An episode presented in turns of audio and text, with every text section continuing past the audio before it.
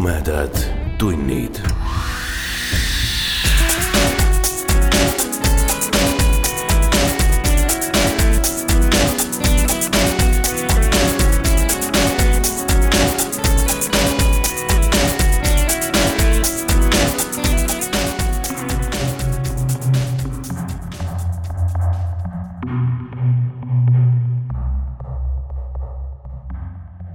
tere, hea ulmesõber. Te kuulete jutuvestmis podcasti Tumedad tunnid üheksateistkümnendat osa. mina olen saatejuht Priit Öövel.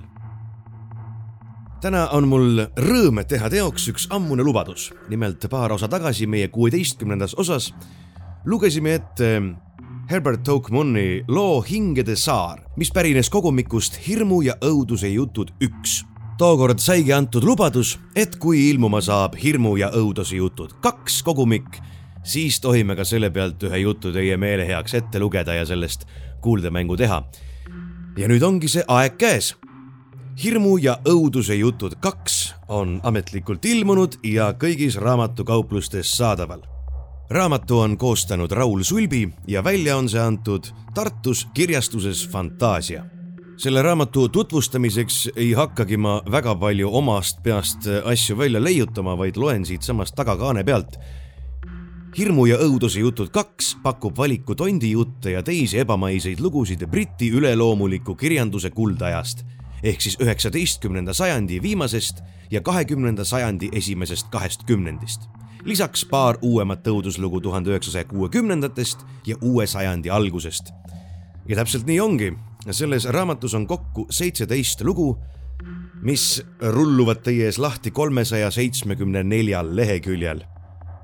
Iga loo ees on ka põhjalik eessõna, mis räägib teile autorist ja kogumiku alguses ja lõpus on samuti pikk ees- ja järelsõna koostajalt Raul Sulbilt, kus tutvustatakse teile siis Briti tolle aja õuduskirjanikke ja Gooti romaani, millest kõik alguse sai. ja veel üks rõõmus uudis teile nimelt esimest korda tumedate tundide ajaloos on teil võimalik meid kuulates midagi võita. ja loomulikult ongi selleks miskiks seesama raamat Hirmu ja õuduse jutud kaks. loosimises osalemiseks pole vaja muud teha, kui jagada Facebookis käesolevat osa puudutavat postitust. postituse kommentaaridesse kirjutage jagatud ja kui soovi on, siis veel midagi ilusat. näiteks, mis jutt teile siiamaani tumedate tundide ajaloos kõige rohkem meeldinud on ja kõigi nende vahel, kes on eelpool kirjeldatud viisil toimetanud, nende vahel loosimegi välja raamatu. Võitja teeme teatavaks siis, kui ilmub meie järgmine osa. ehk siis on teil aega jagamisega tegeleda vist umbes peaaegu täpselt kuu aega. aa jaa, igaks juhuks kõigile neile, kes te kuulete meid tulevikust. praegu on kahe tuhande üheksateistkümnenda aasta kevad. nii et kui te kuulete meid aastaid ja aastaid hiljem, siis kahjuks teie selles loosimises enam osaleda ei saa. Aga nüüd juba konkreetselt tänase jutu juurde. tänase jutu juures on mul hea meel teile tutvustada uut häält, keda varem tumedates tundides pole kuuldud. nimelt minu hea sõber ja koolivend Ott Tartel sattus mulle külla ja pakkus mulle lahkesti oma häält ühe tegelase tarbeks. ja siin see on. mina, Ott Tartel ja Aiki Penno loeme teile Kati Metsaotsa tõlgitud Joseph Payne Brennani tondijutu Chiltoni lossi salakamber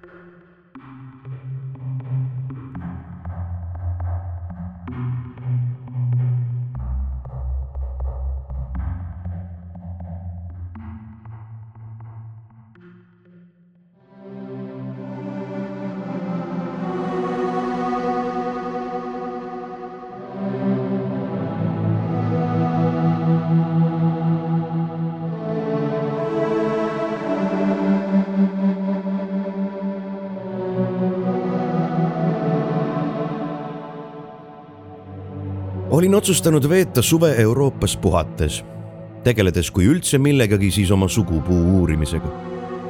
kõigepealt suundusin Iirimaale Kilkennisse, kus kaevasin välja hunniku legende ja usaldatavail allikail põhinevaid pärimusi oma kaugete iirlastest esivanemate kohta. O'Brownainid või Brennanid, nagu nende nime hiljem kirjutati, olid olnud ammuses Osrachi kuningriigis Uiduachi klanni pealikud kes Staffordi graafi Thomas Wentfordi ajal toime pandud brittide poolse maa konfiskeerimise käigus oma valdustest ilma jäid. röövlinäost graafil, võin siinkohal rõõmuga kinnitada, löödi hiljem Toweris pea maha.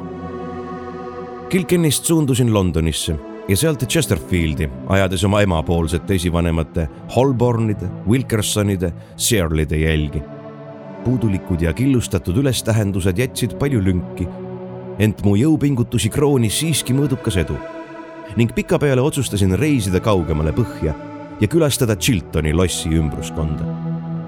lossis elas parajasti Robert Chilton Payne, Chiltoni kaheteistkümnes krahv. minu sugulusside Chilton Payne'idega oli väga kauge, aga kunagise sideme õhkõrn lõngake oli ometi olemas ja leidsin, et mulle täitsa meeldiks lossile pilk peale heita jõudsin lossi lähedal asuvasse tillukesse külakesse nimega Vexvold hilisel pärastlõunal ja võtsin toa küla ainsas punase hane kõrtsis. pakkisin oma asjad lahti ja läksin allkorrusele, kus sõin väikesest saiapätsist, juustust ja heledast õllest koosneva lihtsa eine. ajaks, mil selle kasina, ent siiski väga meeldiva söömaaja lõpetasin, oli väljas pimedaks läinud ning koos pimedusega olid tulnud tuul ja vihm otsustasin õhtu kõrtsis püsida. õlut oli piisavalt ja ega mul kuhugi rutata ju polnud. kui olin ära kirjutanud paar kirja, läksin alla ja tellisin pindi õlut. kõrtsituba oli peaaegu tühi. baarimees, tüse džentelmen, kes paistis kogu aeg olevat tukkuma jäämise äärel, oli meeldiv, aga sõnaaher ning peagi jäin endamisi Chiltoni lossi kummalise ja hirmuäratava legendi üle mõtisklema legendist oli mitu versiooni ja kahtlemata oli algselt lugu sajandite vältel ilustatud. ent loo keskmes oli kusagil lossis asuv salakamber.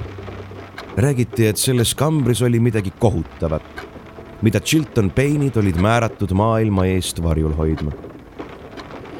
sellesse kambrisse oli lubatud siseneda ainult kolmel inimesel. parajasti valitseval Chiltoni graafil, graafi meessoost pärijal ja veel ühel krahvi määratud isikul. tavaliselt oli selleks Chiltoni lossi maavalitseja. kambrisse siseneti ainult kord põlvkonna vältel. kolme päeva jooksul pärast meessoost pärija täisealiseks saamist näitasid krahv ja maavalitseja talle salakambrit. seejärel kamber suleti ning seda ei avatud uuesti kuni päevani, mil too pärija kohutavat kambrit omakorda oma pojale tutvustas legendi järgi pole pärija pärast kambris käiku enam iial päris endine. ta muutub alati morniks ja endasse tõmbunuks ning tema palgeile tekib mõtisklev ja kartlik ilme, mida miski sealt eales kuigi kauaks eemale peletada ei suuda. üks varasemaid Chiltoni krahve oli täiesti hulluks läinud ja end lossitornist alla heitnud. läbi sajandite oli rahvas mõistatanud ka salakambri sisu üle loo ühes versioonis räägiti Gowerite paanilisest põgenemisest relvastatud vaenlased kannul. kuigi Chilton Payne'ide ja Gowerite vahel valitsenud vana vaen palunud Gowerid meeleheites Chiltoni lossist pelgupaika. krahv lasknud nad sisse, juhatanud ühte salajasse ruumi ja jätnud nad sinna lubadusega, et nad on tagaajajate eest kaitstud.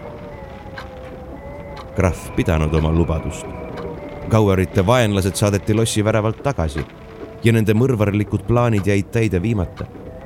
krahv aga jätnud Gowerid lihtsalt lukustatud ruumi surnuks nälgima. kamber avatud alles kolmkümmend aastat hiljem, kui krahvi poeg viimaks ukselt pitseri lõhkus.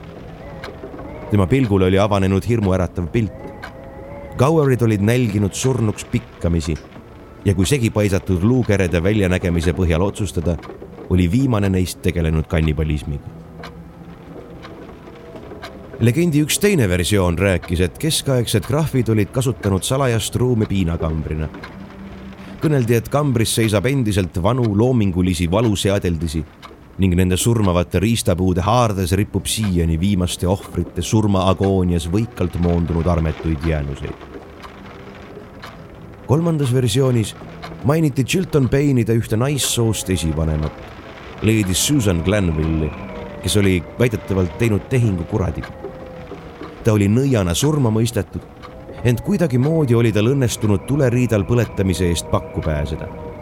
tema surmakuupäev ja ka viis olid teadmata, ent mingil ebamäärasel moel pidavat salakamber sellega seotud olema.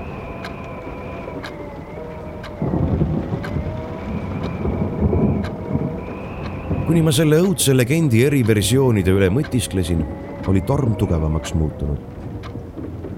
vihm rabistas ühtlaselt vastu kõrtsi vitraažakneid ja nüüd kostis aeg-ajalt ka kauget kõuekõminat. vihmamärgadele aknaruutudele pilku heites kehitasin õlgu ja tellisin veel ühe pindi õlut. olin jõudnud õllekannu pooleldi huultele tõsta, kui kõrtsitoa uks valla paiskus, lastes sisse sahmakat tuult ja vihma. uks pandi kinni ja baarileti juurde astus kõrvuni tilkuvasse palitusse mässitud pikk kogu kogu võttis mütsi peast ja tellis brändit. kuna mul midagi paremat teha polnud, piidlesin teda lähemalt. mees nägi välja umbes seitsmekümne aastane. halliseguste juuste ja parkunud näoga, karmi ja otsusekindla olemisega. Ta kulm oli kortsus, justkui oleks ta süüvinud mingi ebameeldiva probleemi üle juurdlemisse ent sellegipoolest uurisid ta jahedad sinised silmad mind ühe lühikese, aga kaalutletud viivu teraselt. ma ei suutnud teda päris täpselt ära liigitada. ta võis olla kohalik talunik, ent miskipärast ei uskunud ma, et ta on. temast kiirgas teatavat võimukust ja kuigi ta rõivad olid kindla peale lihtsad olid need minu arvates parema lõike ja kvaliteediga kui kohalikel maameestel, keda olin seni näinud. tänu ühele tühisele seigale saime omavahel jutu peale. nimelt pani üks ebatavaliselt järsk kõuekärgatus ta akna poole pöörduma. ja seda tehes lükkas ta kogemata põrandale oma märja mütsi. tõstsin selle tema eest üles, ta tänas mind ja me vahetasime tavapäraseid märkusi ilma kohta mul oli vaistlik tunne, et ta on harilikult kinnine inimene, kes maadleb praegu mingi tõsise murega ja tahab seetõttu kuulda teise inimese häält. teadvustades, et alati võis olla ka võimalik, et mu vaist mind ükskord alt veab, jahvatasin sellegipoolest oma reisist, sugupuu uuringutest Kilkennis, Londonis ja Chesterfieldis ning lõpuks ka oma kaugest sugulussidemest Chilton Payne'idega ja soovist Chiltoni lossi lähemalt kaeda äkitselt märkasin, et ta silmitseb mind rahutust tegevalt pinevil, kui mitte lausa meeletul ilmel. tekkis ebamugav vaikus. köhatasin, mõistatades endamisi, mida olin küll öelnud, et need külmad sinised silmad mind nüüd nii tungivalt puurisid. pikapeale tajus ta mu kasvavat ebamugavustunnet. andestust, et jõllitama jäin. vabandas ta. aga miski, mida te ütlesite ta kõhkles. kas me ei võiks ehk sinna lauda istuda? ta noogutas ühe väikese laua poole, mis ruumi kaugemas hämaras nurgas seisis. nõustusin, tundes hämmelduse ja uudishimu segu ja me kolisime jookidega tollesse omaette seisvasse lauda.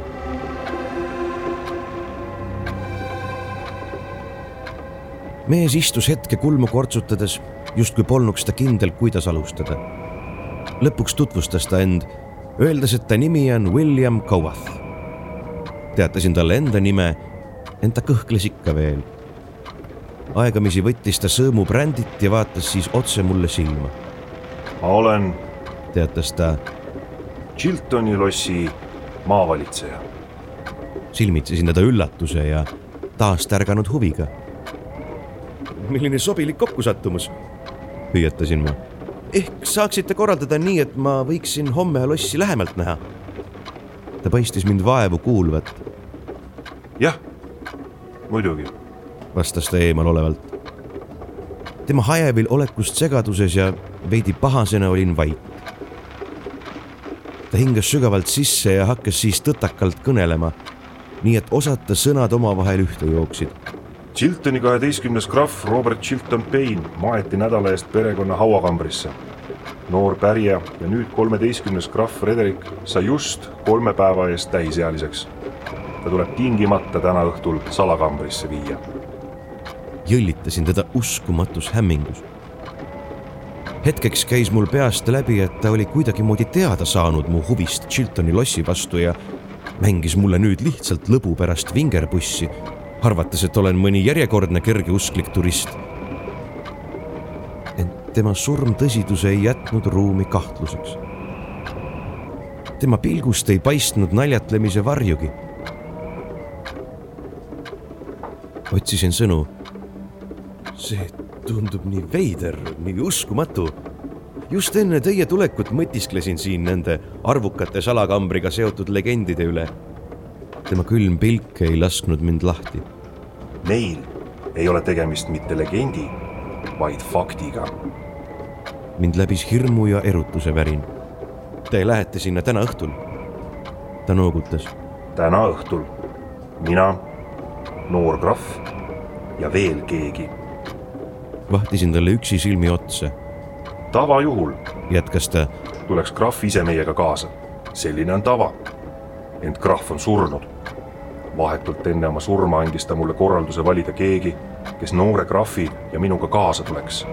see isik peab olema meessoost ja eelistatavalt veresugulane. rüüpasin suure sõõmu õlut ja olin vait. ta jätkas. peale noore krahvi ei ole lossis kedagi välja arvatud ta eakas ema, Lady Beatrice Chilton ja üks haige tädi. keda võis krahv siis silmas pidada? pärisin ettevaatlikult. Maavalitseja kibrutas kulmu. kusagil maal elab veel paar kauget meessoost nõbu. pakun, et ta arvas, et vähemalt üks neist tuleb matustele, aga ei tulnud ükski neist. kui kahetsusväärne, märkisin mina. äärmiselt kahetsusväärne ja seetõttu palungi teil kui veresugulasel noore krahvi ja minuga täna õhtul salakambrisse kaasa tulla. kõõksatasin nagu viimane tola. Akende taga sähvatas välk ja õuest kostis vihmapahinat kividel. kui ehmatuse jäiste sõrmede haare veidi lõdvenes, suutsin lõpuks vastata. aga ma, see tähendab, minu sugulusside on ju nõnda kauge võiks öelda, et ma olen puhtalt viisakuse pärast sama verd. see liin on minus niivõrd lahja. ta kehitas õlgu. Teil on sama nimi ja teis on vähemalt paar tilka peinide verd. Praeguses pakilises olukorras ei olegi enamat vaja. olen veendunud, et vana krahv oleks minuga nõus, kui ta veel midagi öelda saaks. kas tulete? Nende külmade siniste silmade tungiva ja pineva pilgu eest polnud pääsu Need näisid jälgivat, kuidas mu mõistus veel mõnda vabandust leida püüdes meeleheitlikult ringi kobas. lõpuks jäin paratamatult nõusse. Minus süvenes tunne, et see kohtumine oli kuidagi ette määratud. et miskit moodi oli mulle ette nähtud külastada Chiltoni lossi salakambrit.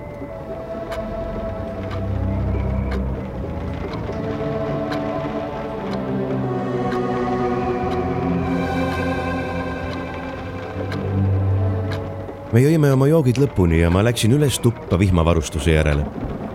kui ma tormi jaoks sobivalt rõivastunult alla tulin, norskas lihav baarimees oma puki otsas, tegemata väljagi metsikutest, nüüdseks juba pea vahetpidamatutest kõuekärgatustest.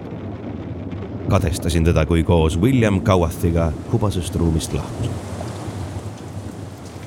väljas teatas mu teejuht, et meil tuleb minna lossi jala ta oli meelega alla kõrtsini jalutanud, selgitas ta, et tal oleks aega omapäi kõndides selgeks mõelda, mida tal teha tuleb. Rängad vihmavalingud, tugev tuul ja valik õuerüma muutsid vestlemise raskeks.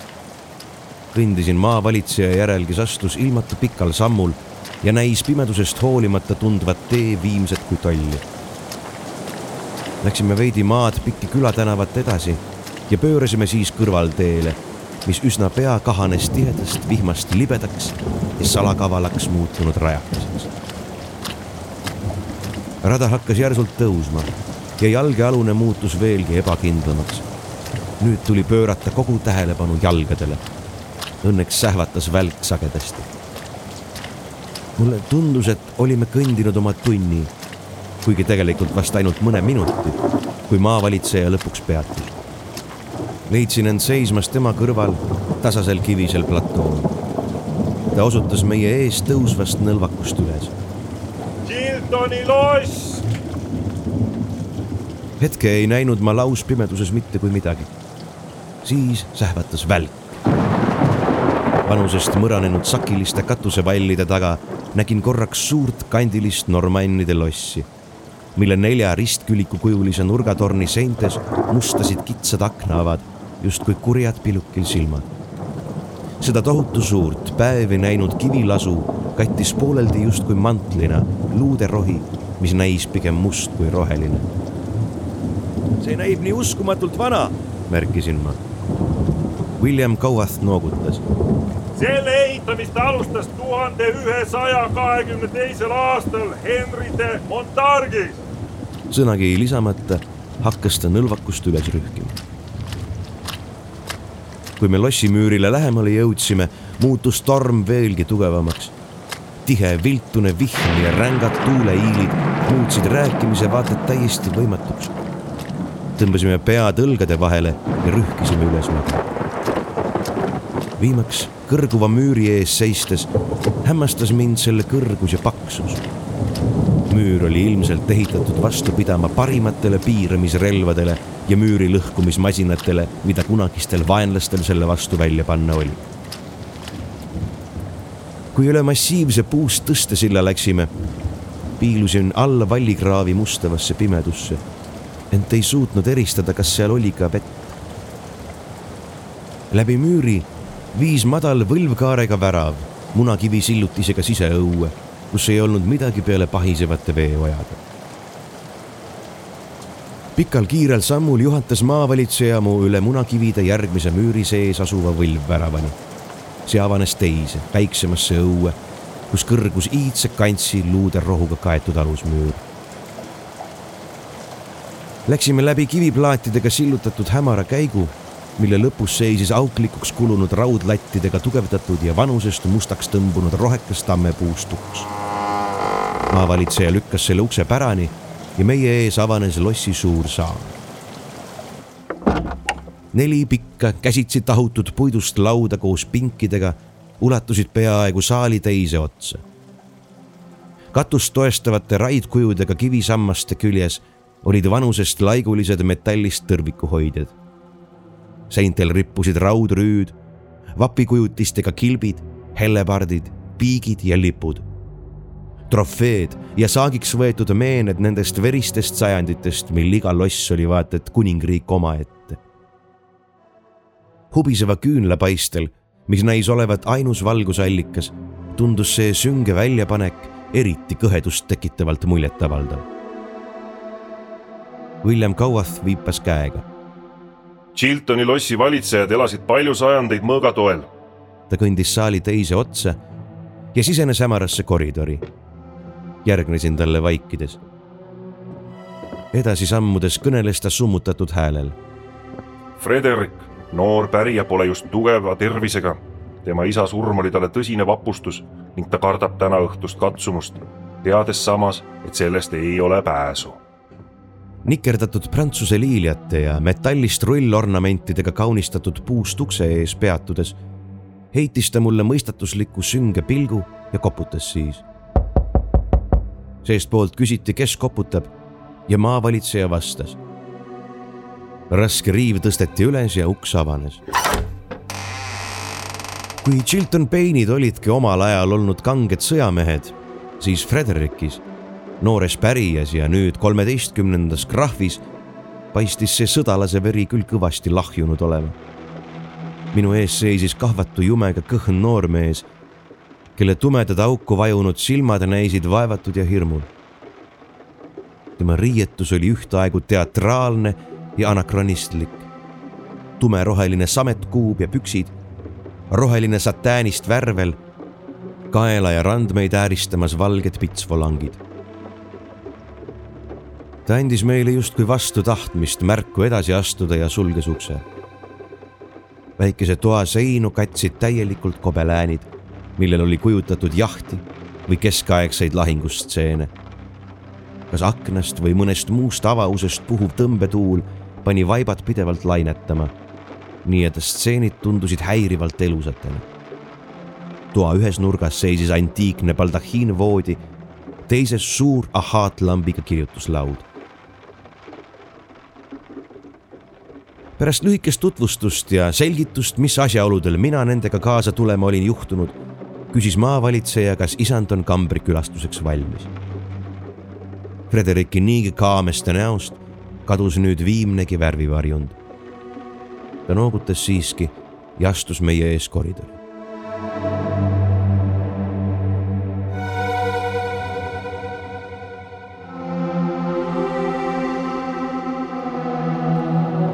William Cowath läks kõige ees, tema kannul noor krahv ja mina nende järel.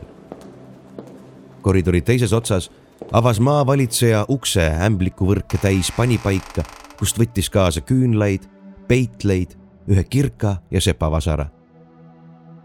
kui ta oli pakkinud need nahast kotti, mille ta omale õlale riputas, võttis ta ühelt riiulilt tõrviku. ta süütas selle ja ootas, kuni leek ühtlaselt põlema jäi selle valgusallikaga rahul, sulges ta ukse ja viipas, et tema järel edasi läheksime.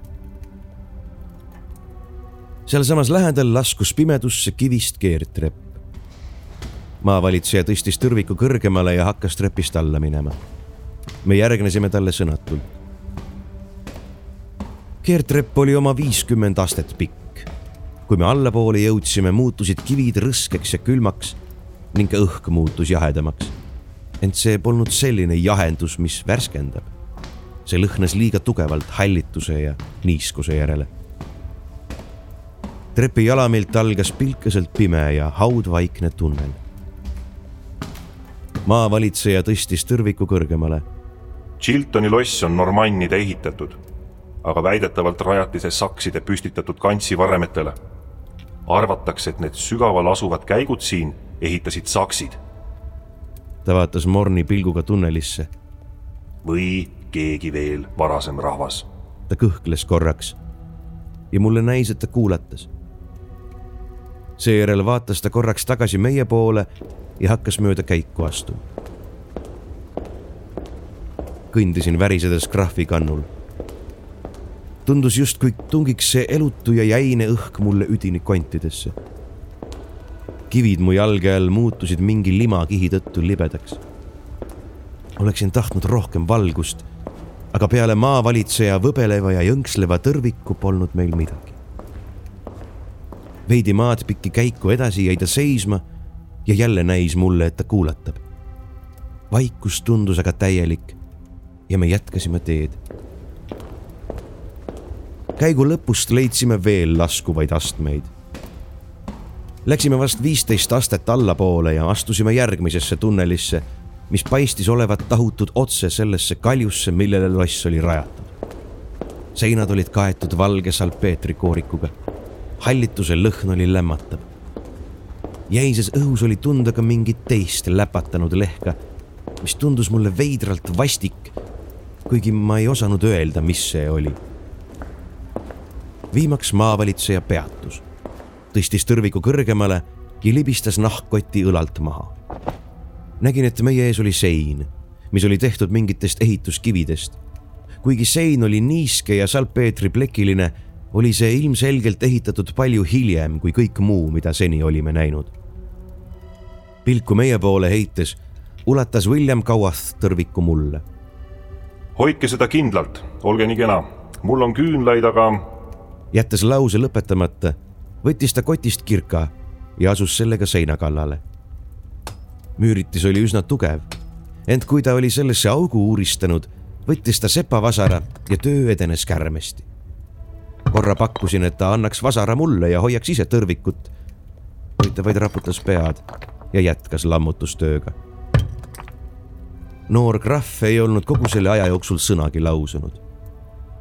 oma kasvavast hirmuärevusest hoolimata tundsin tema pinevil kaamet nägu vaadates talle kaasa. äkitselt langetas maavalitseja vasara ja kõik jäi vaikseks. nägin, et müüritisest oli alles vast kahe jala kõrgune riba. William Cowath kummardus ja uuris seda. küllalt tugev, märkis ta mõistatuslikult. jätan selle siia aluseks. me saame siit üle astuda. terve minuti jagu seisis ta paigal ja vahtis meie ees mustavasse pimedusse. lõpuks tõstis ta koti õlale, võttis minu käest tõrviku ja astus sakilisest müüriribast üle. me järgnesime talle. kui ma kambrisse sisenesin, tundus see läpatanud lehk, mida olin enne tunnelis märganud, meid lämmatavat. see hoovas iiveldama ajava lainena meie ümber ja pani meid kõiki õhku ahmima. Läkastamise vahele suutis maavalitseja öelda. minuti, minuti või paari pärast annab järele. seiske avause lähedal. kuigi lehk püsis võikalt tugev, saime aegamisi kergemalt hingata. William Kauath tõstis tõrviku kõrgemale ja piilus kambri pilkasesse pimedusse. mina kiikasin kartlikult ümber tema õla. Ei kostnud ainustki heli. ning esiti ei näinud ma muud kui salpeetri koorikuga kaetud seinu ja rõsket kivipõrandat. korraga aga silmasin kaugemas nurgas, just tõrviku võbisevast valgussõõrist väljaspool kahte tillukest hõõguvat punast täppi üritasin end veenda, et need on kaks punast kalliskivi, kaks rubiini, mis tõrviku valguses sätendavad. Ent ma teadsin kohe, tundsin kohe, mis need olid. Need olid kaks punast silma ja need jälgisid meid vääramatul raevukal pilgul. maavalitseja lausus vaikselt. oodake siin ta läks kambri nurga suunas, peatus siis poolel teel ja sirutas käe tõrvikuga ette.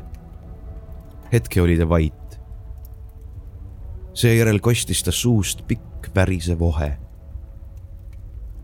kui ta uuesti rääkima hakkas, oli ta hääletoon muutunud. see oli nüüd vaid hauatagune sosin. tulge edasi, ütles ta meile sellel kummalisel õõnsal häälel järgnesin Frederikile ning me läksime ja seisime teineteisele poole maavalitsejat. kui nägin, mis selles kaugemas nurgas kivipingil kükitas, olin kindel, et minestan. tundsin täiesti selgelt, kuidas mu süda mitmeks sekundiks seisma jäi.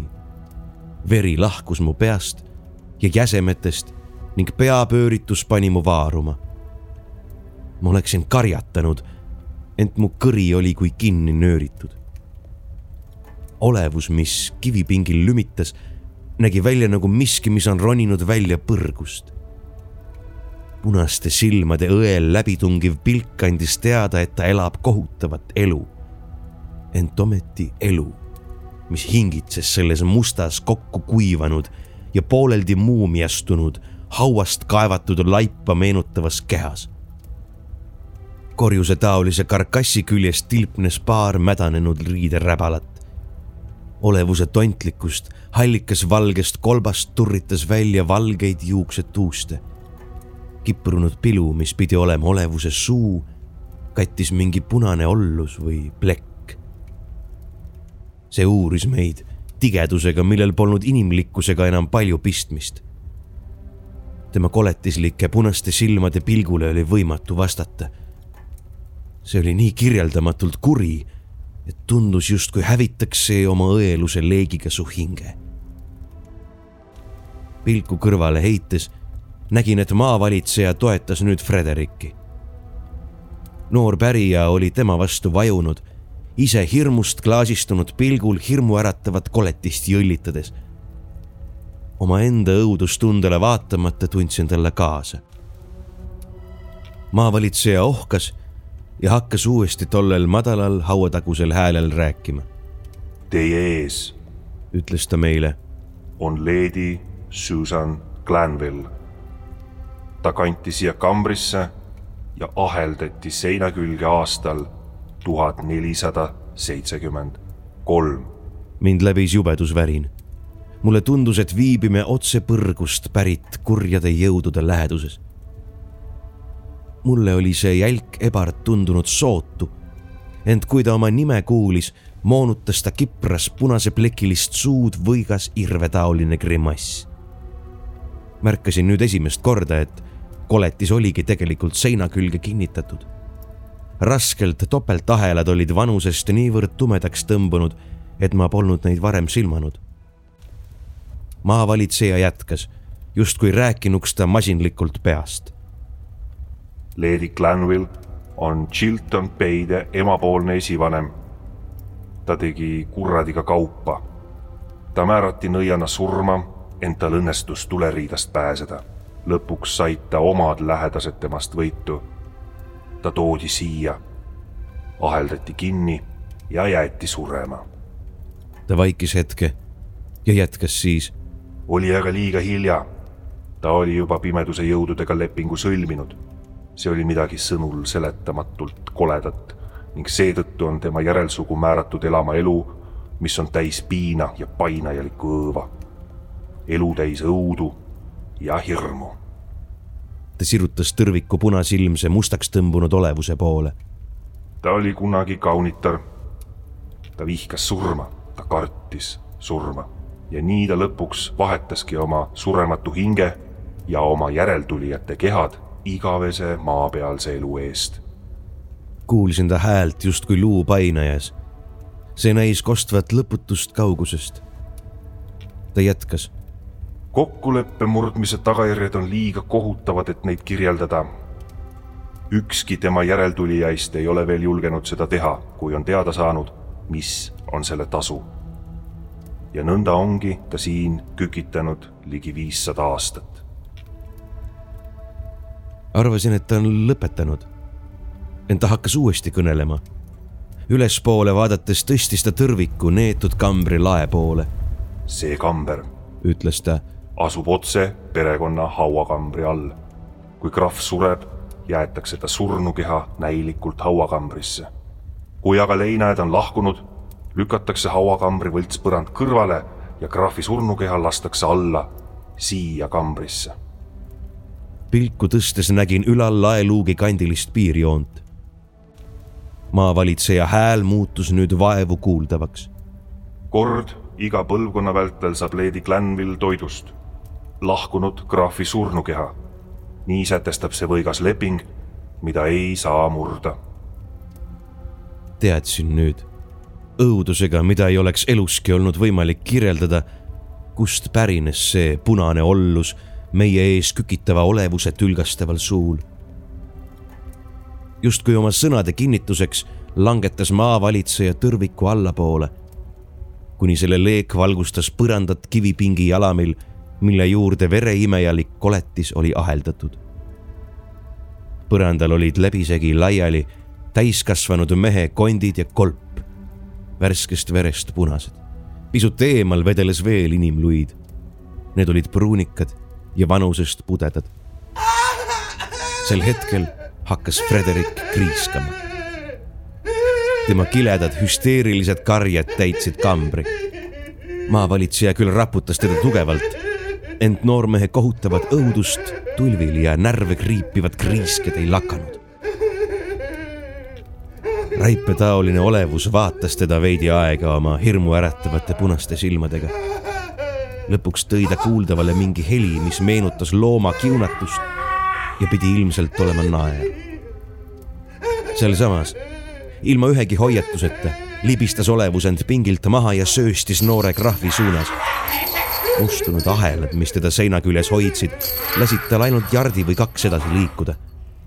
ketid tõmbasid ta järsult tagasi, ent ometi viskus koletis üha uuesti ettepoole kiunudes põrgulikus rõõmus, mis pani juuksed mu pealael püsti seisma. William Cowath sirutas tõrviku järsult koletise poole, kuid too viskles oma ahelate otsas edasi. painajalik kamber kajas krahvi kriisetest ja olevuse elajaliku naeru õudsetest kiunatustest. tundsin, et ka minu mõistus ütleb üles, kui ma sealt põrgu eeskojast minema ei saa esimest korda kogu selle katsumuse vältel, mis oleks pannud iga vähegi nõrgema mehe oma elu ja tervise mõistuse nimel põgenema, tundus maavalitseja raudne enesekontroll mõranevat. ta heitis pilgu metsiku viskleva elaja selja taha, seinale, mille külge ahelad olid kinnitatud. mõistsin, mida ta mõtleb. kas need kinnitused peavad vastu pärast kõigi nende sajandite pikkust roostetamist ja niiskust. Äkilise otsusekindlusega pistis ta käe ühte sisetaskusse ja võttis välja millegi, mis tõrviku valguses sädeles. see oli hõbedast rist. ettepoole astudes torkas ta selle peaaegu viskleva olevuse jäledasse näkku, mis oli kunagi kuulunud pimestav kaunile Lady Susan Glenville'ile. olevus tõmbus tagasi piinatud kriiskega, mis lämmatas krahvi karjad. olend kössitas pingil, äkitselt vaikiv ja liikumatu.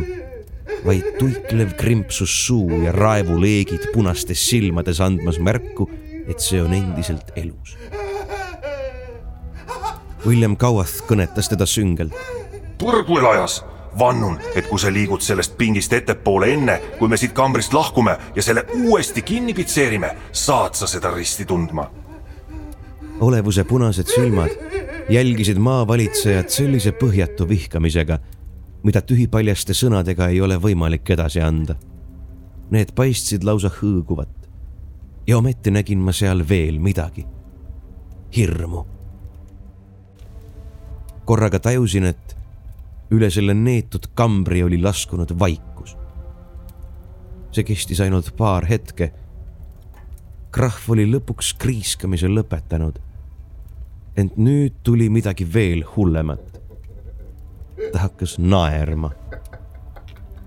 see oli küll vaid vaikne kõkutus, ent kuidagimoodi oli see hullem kui kõik tema varasemad kriisked. see üha kestis, vaikselt ja sõgedalt. maavalitseja pöördus ja viipas lõhutud müüri suunas. Läksin üle kambri ja ronisin välja. minu taga tuli maavalitseja toetades noort krahvi, kes lohistas jalgu nagu vana mees ja kõkutas endamisi. seejärel tundus, et möödus terve igavik, kuni maavalitseja tassis kohale kotitäie mördisegu ja väikese veetünni, mille ta oli varem tunnelisse valmis jätnud. tõrviku valgele valmistas ta mördi ja asus kambrit sulgema samade kividega, mille ta oli enne seinast välja lõhkunud. kuni maavalitseja rühmas istus noor krahv tunnelis liikumatult paigal ja kõkutas vaikselt. kambri sees valitses vaikus. ainult korra kuulsin olevuse ahelate kõlksatust vastu kivi. viimaks sai maavalitseja töö valmis ning viis meid pikki neid salpeetriplekilisi käike tagasi ja jäistest astmetest üles. krahv suutis vaevu trepil jalgu tõsta maavalitseja pidi teda suurte raskustega igal sammul toetama. kui olime tagasi kobeläänidega kaunistatud tuppa jõudnud, istus Frederik oma baldahiin voodile ja jäi vaikselt naerdes põrandat jõllitama. õudusega märkasin, et ta mustad juuksed olid muutunud halliks.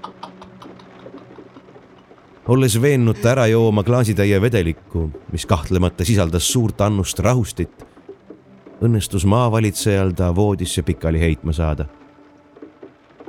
seejärel juhatas William Cowath mind ühte lähedal asuvasse magamiskambrisse. minu sisetunne käskis mul sellest põrgulikust kivihunnikust hetkegi viivitamata põgeneda. ent torm möllas endiselt ja ma ei olnud sugugi kindel, kas leiaksin ilma teejuhita tee tagasi külla.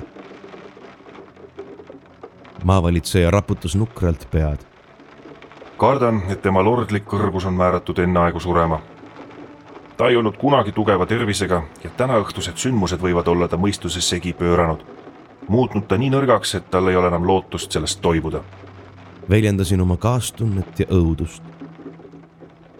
maavalitseja külm sinine pilk vaatas otse mulle silma. võib juhtuda, sõnas ta. võib juhtuda, et noore krahvi surma korral võidakse teid ennast kaaluda ta kõhkles. võidakse kaaluda. lõpetas ta viimaks. kui kedagi, kes on teatavas mõttes järeltulija. ma ei tahtnud enam sõnakestki kuulda. soovisin talle napilt head ööd, riivistasin tema järel ukse ja proovisin üsna edutult mõnekski hetkeks sõba silmale saada. uni ei tulnudki nägin palavikulisi nägemusi, kuidas too punaste silmadega olevus oma suletud kambris ahelaist vabaks pääseb, läbi müüri murrab ja mööda neid jäiseid limaga kaetud astmeid üles ronib. juba enne Koitu tegin ukse vaikselt riivist lahti ja hiilisin nagu sisse tunginud varas, värisedes läbi lossi külmade koridoride ja mahajäetud saali välja. Läksin läbi munakivi sillutisega siseõuede ja üle mustava vallikraavi ning pagesin ülepeakaela nõlvakust alla ronides küla poole. kaugelt enne keskpäeva olin teel Londoni poole ning mul oli õnne. juba järgmisel päeval olin üle Atlandi suunduval laeval. Inglismaale ei naase ma enam iialgi. kavatsen hoida Chiltoni lossi ja selle alalise elaniku endast vähemalt ookeani kaugusel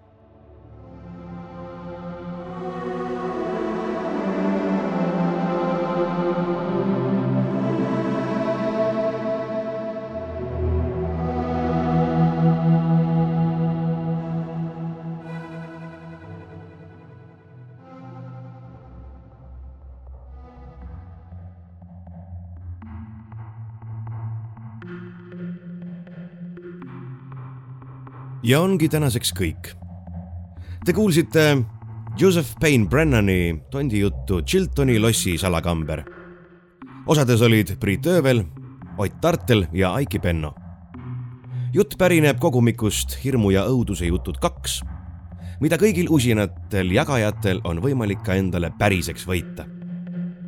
nagu öeldud, jagage meie käesolevat osa puudutavat postitust Facebookis kirjutage postituse alla kommentaaridesse jagatud ja näiteks ka seda, milline lugu teile siiamaani tumedatelt tundidelt kõige enam meeldinud on. ja siis, kui ilmuma saab meie järgmine osa, siis saab teatavaks ka õnneliku võitja nimi, kellele me sellesama raamatu postipakiga koju saadame. auhinna on välja pannud kirjastus Fantaasia. rahutut kevadet soovides tumedad tunnid